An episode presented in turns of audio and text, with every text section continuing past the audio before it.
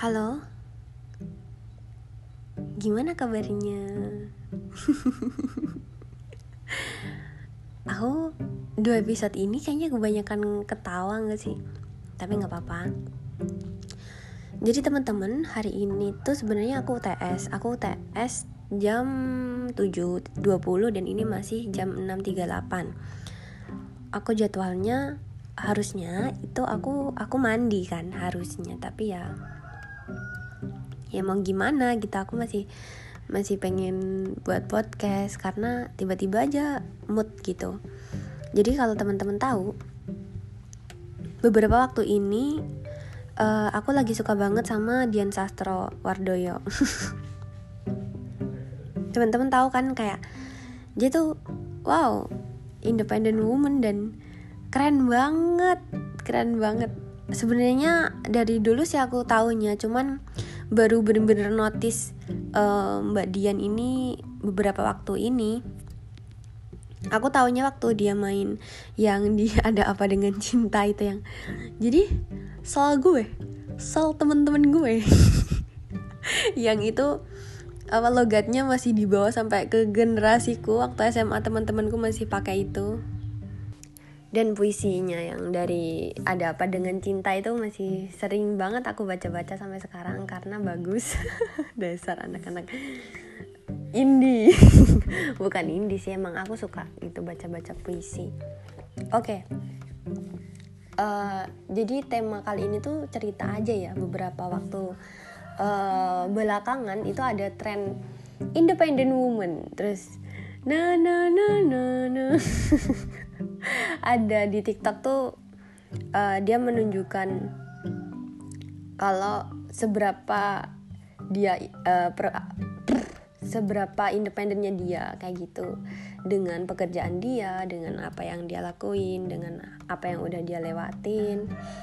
Dan uh, kayak foto-foto video gitu terus musiknya musik yang yang kayak membangkitkan semangat kaum kaum perempuan untuk menjadi independen kayak gitu itu lagi tren gitu terus aku suka sih lihat uh, orang-orang jadi punya pendapat dari berbagai macam sudut pandang. Ada yang bilang kalau oh independen itu nggak hanya uh, didefinisikan sebagai wanita karir yang sukses di suatu perusahaan yang menjadi pemimpin di suatu perusahaan atau di mana pun itu atau yang jadi engineer gitu ya yang dia kerjanya benar-benar di ranah industri kayak yang di jurusanku ini.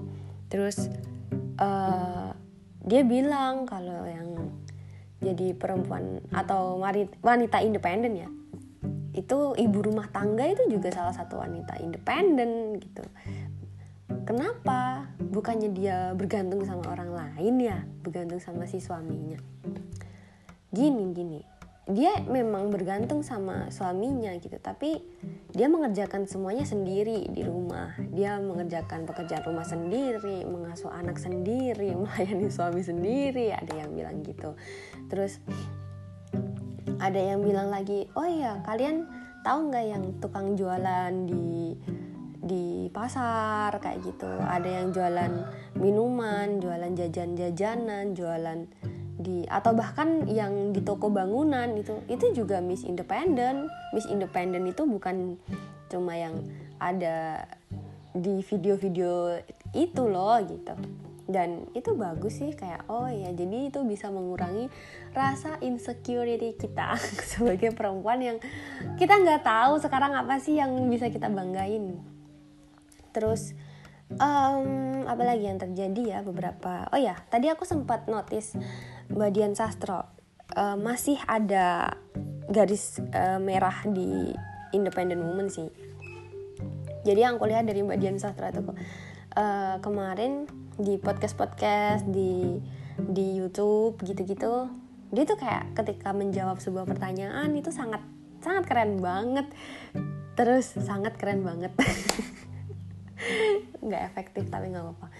Dan berbobot daging semua gitu. Di beberapa podcast dia pernah bilang gini e, aku berkarir dan terus berkarya itu uh, biar apa biar suaminya itu tetap terus terus suka sama dia gitu. Karena suaminya suka perempuan yang terus berkarya gitu. Makanya dia terus-terusan sampai sekarang uh, berkarya gitu. Ketika dia udah menikah uh, kan banyak ya perempuan yang ketika dia udah punya pasangan gitu dia langsung kayak oh oke okay, aku berhenti berkarya gini-gini terus vakum. Kayak gitu-gitu. Tapi Dian Mbak Dian Sastro ini enggak. Dan emang dia latar belakangnya emang dari dari uh, pendidikan yang bagus banget gitu ketika aku kemarin dengar ya dia sempat ada di Fakultas Hukum UI tapi cuma dua semester doang. Kemudian dia DO alasannya tuh salah satunya karena dia merasa di situ uh, bosan dan merasa tidak berkembang gitu.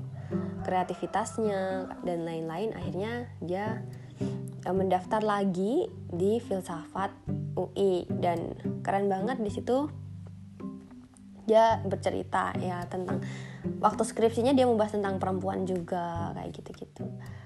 Keren sih keren banget. Terus apalagi ya dia tuh se seorang yang bisa gitu loh dalam banyak hal. Karena emang dia growth mindset gitu kan. Dan dia suka banget tantangan. Dia sempat keluar dari industri bukan keluar ya kayak vakum beberapa tahun dari industri uh, entertain gitu. Dan dia jadi uh, wanita kantoran saat itu. Dan dia bilang dia harus memulai semuanya tuh dari awal. Dia belajar dari nol dia harus nanya-nanya lagi. Dan itu menyenangkan gitu. Bayangin kayak kita udah uh, lumayan sukses ya di suatu bidang dan tiba-tiba aja kita harus uh, mencoba hal baru yang di situ benar-benar kita mulai dari nol gitu. Pasti kalau semisal orang yang punya pemikiran yang fix mindset gitu dia bakal kayak ah anjir capek banget kita harus mulai dari nol. Padahal saya udah uh, di di bidang lain udah udah sukses gitu. Tapi buat Dian Sastro ini dia suka gitu. Dia suka belajar hal baru dia suka um, uh, memulai lagi dari nol dan dia suka tantangan sih dari situ aku kayak belajar gitu loh bahwa emang emang semua itu kayaknya perlu gitu gak sih dicoba? Ketika kita masih muda ketika kita masih berumur 20 tahunan ya terutama. Apalagi kayak aku yang jomblo ini dan belum nikah. Aku ya, aku sebaiknya mencoba banyak hal gitu. Dan siapa tahu nanti itu memang rezekiku. Kayak kemarin sih aku kemarin bener-bener kayak anti gitu ya. Beberapa waktu lalu sih tahun tahun sekitar tahun 2019 tuh masih itu aku takut banget di Instagram tuh ada mukaku aku aktif di Instagram tuh kayak gitu loh. Tapi aku mikirnya tuh soalnya ini aku kan penulis dan penulis tuh nggak harus gitu menunjukkan dia tuh siapa di media sosial yang penting tuh karyanya. Dan aku kayak belum terlalu paham gitu sama sama bidang-bidang selain menulis gitu di Instagram. Dan uh, beberapa waktu kemudian aku mulai mencoba-coba kan mencoba-coba kayak eh apa ya kayaknya enak apa ya gitu. Kayaknya yang menarik apa ya nyoba ah gitu siapa tahu. Ternyata emang aku menemukan bidang lain di Instagram kayak sekarang aku jadi apa brand warrior di kejar mimpi di Bank Niaga itu dan kalau semisal dulu aku nggak mencoba buat show up diriku sendiri buat membranding diriku sendiri di Instagram mungkin aku nggak bakalan bisa nemu ini mungkin aku nggak bakalan bisa kenal sama mereka-mereka yang keren banget gila. Keren banget teman-temanku dan cantik banget parah sih. Aku kemarin tuh sempet curhat sama temanku kan kayaknya udah aku bahas di podcast yang sebelumnya. Kayak kok aku kayaknya kucel sendiri ya dan akhirnya di situ aku belajar belajar tentang kayak makeup makeup gitulah. Tapi bukan yang bener-bener makeup buat manten gitu ya. Bukan kayak makeup yang biasa aja yang natural aja gitu. Terus terus aku sering kayak bikin video-video gak jelas gitu. Kayak ngapain sih di story gitu. Tapi ternyata gara-gara gara-gara itu gara-gara itu tuh ada kemarin yang Sally kalau mau endorse Sally berapa? Jadi ya udah aku kayak mikir ternyata ketika kita bisa mencoba hal baru di situ tuh ada hal yang lucu gitu yang bakalan kita temui. Terus uh, mungkin beberapa waktu ke depan aku bakalan sering nyoba deh. Sering nyoba aja gitu meskipun uh, nggak bisa dipungkiri ya pasti ketika kita nyoba-nyoba itu banyak sekali kegagalan-kegagalan yang bakalan kita dapetin. Tapi it's okay. Ya kenapa kalau gagal? Kenapa kalau kalah? Kenapa kalau salah gitu? Emang nggak boleh? Ya boleh dong. Boleh banget orang kita emang lagi nyoba lagi uh, pertama kali kan. Tapi kalau tiba-tiba lolos ya ya alhamdulillah. Ya kan nyoba emang jadi nggak apa-apa. Terus kemarin tuh sempet aku sempet pengen ganti genre buku gitu beberapa waktu lalu tuh kan ada mas-mas yang cuttingku dia tuh um, dia tuh suka baca buku yang self dev gitu. Terus aku bilang mas dulu waktu healing kamu ini ya apa suka baca buku itu? Oh no Sally aku baca buku bukan buat healing aku baca buku emang aku butuh gitu kan. Bukan buat healing bukan. Emang suka aja sebelum sakit hati pun aku ya baca buku gitu. Terus aku kayak oh iya bener. Dan aku langsung melihat kerak bukuku. Oh my god Sally semuanya fiksi. Dan ini yang membuat kamu semakin berhalu. Akhirnya kemarin aku sempat ngobrol sama temanku yang dia sekarang kerja di Kementerian Perdagangan dia bilang sama Sally ya sama Sally. Ya bener sih sama aku gini. Sally coba deh kamu baca ini yang psikologi of money dan lain-lain. Itu nanti bakalan keren banget gitu kayak uh, membuka pikiran kamu banget gitu. Keren banget nanti bakalan. Terus aku mikir oh ya keren banget. Pasti nanti aku bakalan jadi cewek yang dengan pemikiran realistis yang kayak bener-bener wah gitu. Tapi waktu ke Gramet boy. Waktu ke Gramet ya yang aku pegang yang aku beli. Kan aku beli buku berapa ya? Satu dua tiga empat. Ya itu tentang sastra semua. Bukunya An Mansur dua. Yang melihat tapi bekerja sama yang uh, mengapa luka tidak memaafkan pisau. Sama bukunya uh, yang dari buku mojok sih apa ya? Putut EA kayak nggak salah dia dia buku latihan untuk salam penulis gitu sama satunya hujan bulan Juni karena nggak tahu padahal aku pengennya tuh ah sudahlah. Mungkin mungkin aku harus belinya tuh jangan jangan ini gak sih jangan jangan di Gramet. Jadi aku belinya online kan. Jadi mau nggak mau ya aku pilihanku itu. Aku bakalan uh, eh, gak ada pilihan lain selain buku itu.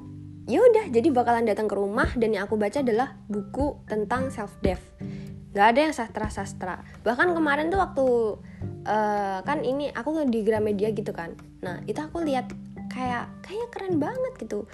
Uh, kan banyak ya buku-buku yang bestseller yang dia terjemahan-terjemahan gitu kayaknya bakalan keren banget kalau aku udah baca seba buku sebanyak itu dengan genre yang itu. Tapi ya pelan-pelan guys.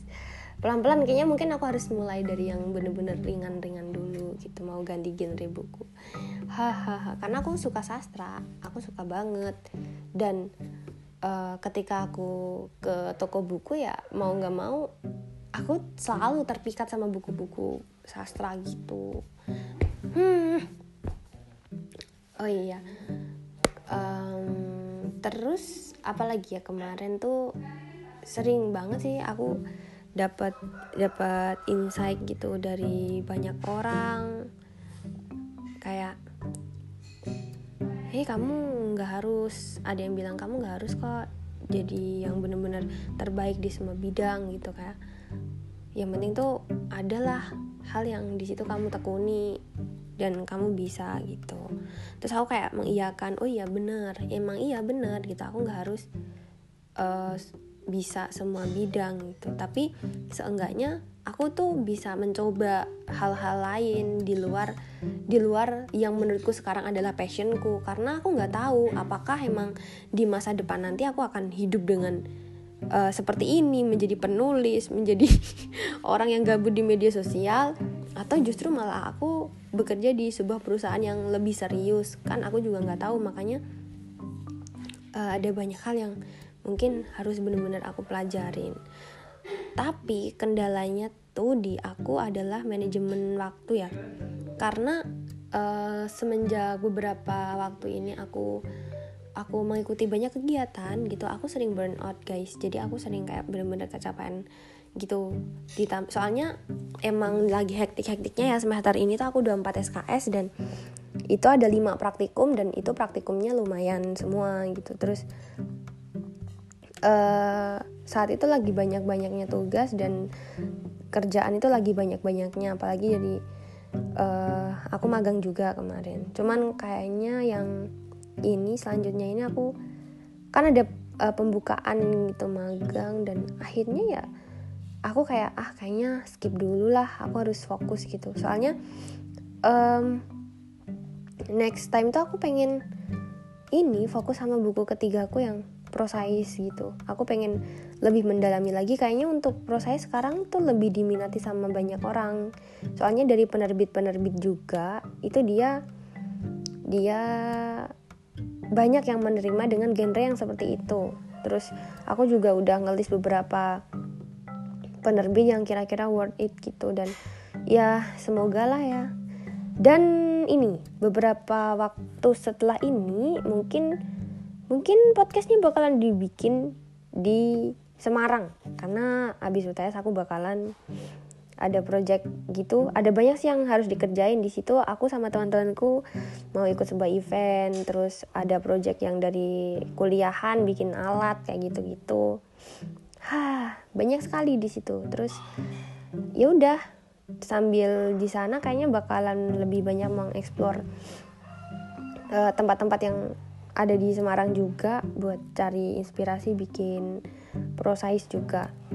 Dan ada kabar baiknya uh, bulan ini tuh aku disuruh jadi pembicara di dua tempat ya.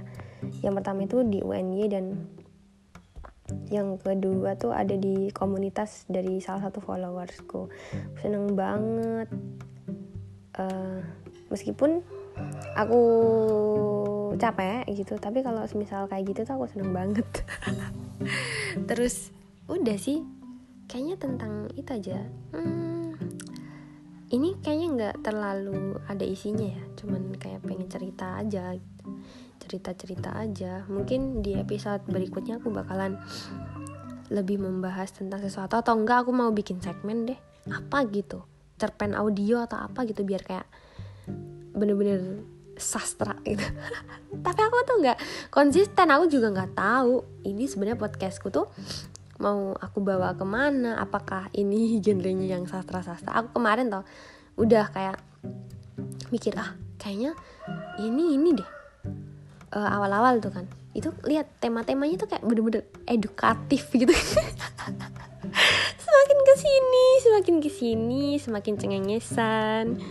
Tapi nggak apa-apa lah. Oh iya aku juga bakalan uh, review-review juga mungkin ya sama buku-buku. Kan kan kemarin juga ada kan segmen review buku yang sebelum-sebelum ini.